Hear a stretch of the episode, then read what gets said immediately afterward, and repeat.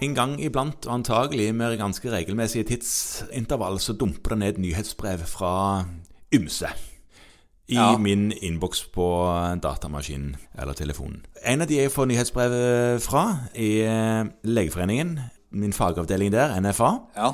Og en av de siste som kom der, hadde en informasjonsbit om dette med å være miljøbevisst. Ja. ja. Fikk du sett på det? Det var en plansje som var De har lagd en veldig fin plakat. Ja, en plakat som var med der. Ja. Den har de nok brukt litt ressurser på. Ja, helt sikkert. Ja. Og det heter Klimatiltak for allmennlegen. ja. Ja. Hvor en har en del forskjellige råd og fokuspunkt. Og da jeg må si det først at det er jo for så vidt kjempepositivt i denne tiden at vi skal ha fokus på klima. Eh, Ja, det nå- nå har kan du si. Fastlegeordningen har kanskje en del andre utfordringer i tillegg til klima, så, så uh, nå skal man på en måte ikke tenke at dette er det man skal knekke ryggen sin på, men det er veldig greit at de har kommet ut, Ja. og, og at noen har sagt noen ting om det, og det er jo på en måte basert på forskning. Ja, og det er Eh, en Ikke bare på en måte, det er basert på forskning. Det er basert på forskning, og det er en bevisstgjøring om at dette som jo Ja, det, det er jo ikke noe nytt Nei. at man skal fokusere på klima og ta på en måte bærekraftige valg òg for klimaet sin del. Nei, og, Sant, og noen av disse rådene er jo litt sånn altså, opplagte. Skru av strømmen. Altså, det, Ja. det ja da. Jeg husker vel eh, fra jeg var liten at ja. det ble snakket om at man ikke skulle fyre for kråkene. Nei. Ja, Det er vel noe denne typen råd henger ved enda. Noen av disse henger ved, og de står der, og de er fine. Og de er, jo selvsagt helt gyldige.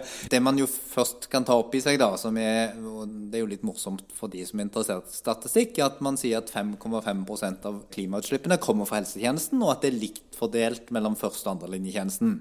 Ja. Og så er det viktig å si, da, hvis noen nå sitter og kjenner på voldsom skyldfølelse, at primærhelsetjenesten i denne forbindelse også da inkluderer alt hjemmesykepleien holder på med, og alle sykehjemmene. Det vil si at det er jo ikke en sånn enormt stor andel av dette som angår deg og ditt fastlegekontor, Morten, når det gjelder liksom totale klimagassutslipp. Nei, Nei. nei, og jeg, jeg, jeg, altså det betyr ja. ikke at du ikke skal gjøre noe, men det Nei. betyr litt at man måtte, må sette ting bitte litt i perspektiv. Alt hjelper, men, men hvor mye? Og så står det også at 80 av eh, utslippene for fastlegetjenesten, Mm. det handler om medisinene. Om medisinene? Ja. Altså hva det, hva det koster av eh, på en måte negativitet for miljøet at du skriver ut medisiner? Ja. På hvilken måte da? Nei, de Altså skal i produksjon, produksjon og- og, Ja. bruk. Ja. Produksjon og distribusjon. Ja. Eh, sånn at eh, når det da sies noen ting om resirkulering, og om å skru av strømmen, Mm. og om din egen transport, Så hvordan de kommer fra ADB? Ja. Eller C? Ja. så er det fortsatt sånn at det aller, aller meste handler om forskrivningspraksisen din, ser det ut som.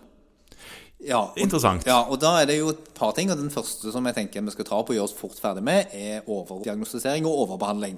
Ja, ja, altså hvis du diagnostiserer ting som ikke finnes, og behandler sykdom som ikke er der, så er det åpenbart at du bruker for mye medisin. Ja, Ja. Det er veldig ugunstig for miljøet, og det er veldig ugunstig for kostnadene, og det er veldig ugunstig for pasienten. Og for deg. Så, så det må vi prøve å gjøre mindre av. Det har vi okay. snakket om i noe som heter Gjør kloke valg i kampanjen. Ja. Og så skriver de noen ting om å oppfordre eh, pasienter til å leve sunt. Og bruke, bevege seg mer og bruke Ja. kollektivtransport. Og Ja. alt det passer jo sammen med mange råd som du helt sikkert gir til mange pasienter allerede. Det er jo akkurat det. Eh, Og nå kan du jo da også bruke miljøaspektet. Mhm. Og så har de da spesifikt tatt med da under medisiner dette med at man skal velge seg en pulverinhalator til disse som har lungemedisiner. Ja. Eh, og der er det sånn at pulverinhalatorer har et lavere klimaglassavtrykk enn eh, disse gassdrevne sprayene. Ja. Og det er helt riktig, sånn at det, der får man vurdere om det er mulig å gi det. Mhm. Og så tenker jeg da, pleier alltid si på det punktet der, når man begynner å snakke om miljø og sånne inhalatorer, at den mest miljøfiendtlige er jo den som blir feilbrukt eller ikke brukt. Ja, ja det er riktig. Så, ja. så om den aldri så miljøvennlig, hvis den ikke blir brukt i den hele tatt, så er den veldig lite miljøvennlig. Så sørg nå for det, i Mm. hvert fall. Og så sier de da at man skal vurdere fjernkonsultasjoner. Fjernkonsultasjoner. Ja. Ja vel? Det er sikkert sånn e-konsultasjon de snakker om da. Antagelig det, ja. Ja. Eh, ikke at du skal sitte langt unna på Altså Nei. sitte og rope til hverandre. Det kan jo ikke være særlig klimavennlig. Det er ikke det de tenker på, tror Nei, jeg. tror tror ikke det. Og det, er- altså fastlegen, altså en fjern fastlege, er det mange som ønsker seg det? det er, det er, Mm, I vår lag er det en del som har, har en fjern fastlege, men, Ja. men Eller ikke i det hele tatt, ja, faktisk. Ja. Men eh, jeg tenker jo at ja, sånne e-konsultasjoner kan jo ha sin funksjon.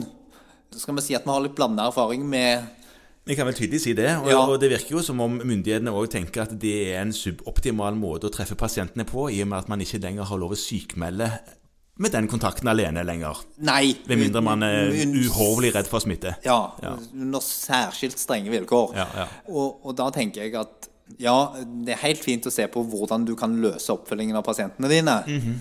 Men det uten videre å tenke at det er mer klimavennlig å bruke det som argument, det, ja, det, det er jeg vel faktisk på denne plakaten bitte grann kritisk til. Eh. At det egentlig i det hele tatt er besparende. Men, men i hvert fall, den ligger der, den ligger der ute.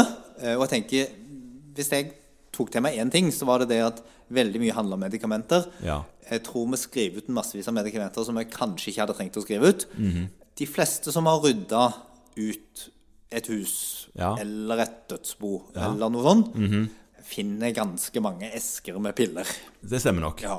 Og der tenker jeg kanskje at vi kan ta oss en liten sånn gjennomgang Ja. på hvor store pakker vi skriver ut, hvor mye vi skriver ut, Ja. og at vi sammen på en måte har en sånn fellesaksjon på at vi i hvert fall ikke genererer mer enn nødvendig. Ja, det kan du si. Fordi det som står igjen der Ja, ja Det var jo unødvendig. Åpenbart. Ja, Ja. noen ganger kan man si at det var veldig sånn retrospekt etterpåklok eh, øvelse å si hvis de døde fra tablettene sine, så får det være en ting. Men Ja. hvis de allikevel ikke skulle bruke de i det hele tatt Du har fått en bærepose på kontoret noen ganger, du, Morten, med ting som ikke virka, har du ikke det? Det har skjedd. Ja. Men det var en annen ting, som var en rask liten sak, og det var jo dette med i hvilken grad helsetjenestens eh, avtrykk er vekta opp mot flytrafikk. Ja, For hvordan var det igjen? dobbelt så mye som flytrafikken. Eh, eh, eh, Har vi? Ja. Det betyr jo at hvis du skriver ut bitte litt mindre medisin og passer på pulver istedenfor gassdrevne inhalatorer, så kan du med god samvittighet fly litt. Er det ikke det det betyr? Er Eller var det feil? Ikke sikker på at det var sånn det var tenkt, Morten. Ok, da bomma jeg.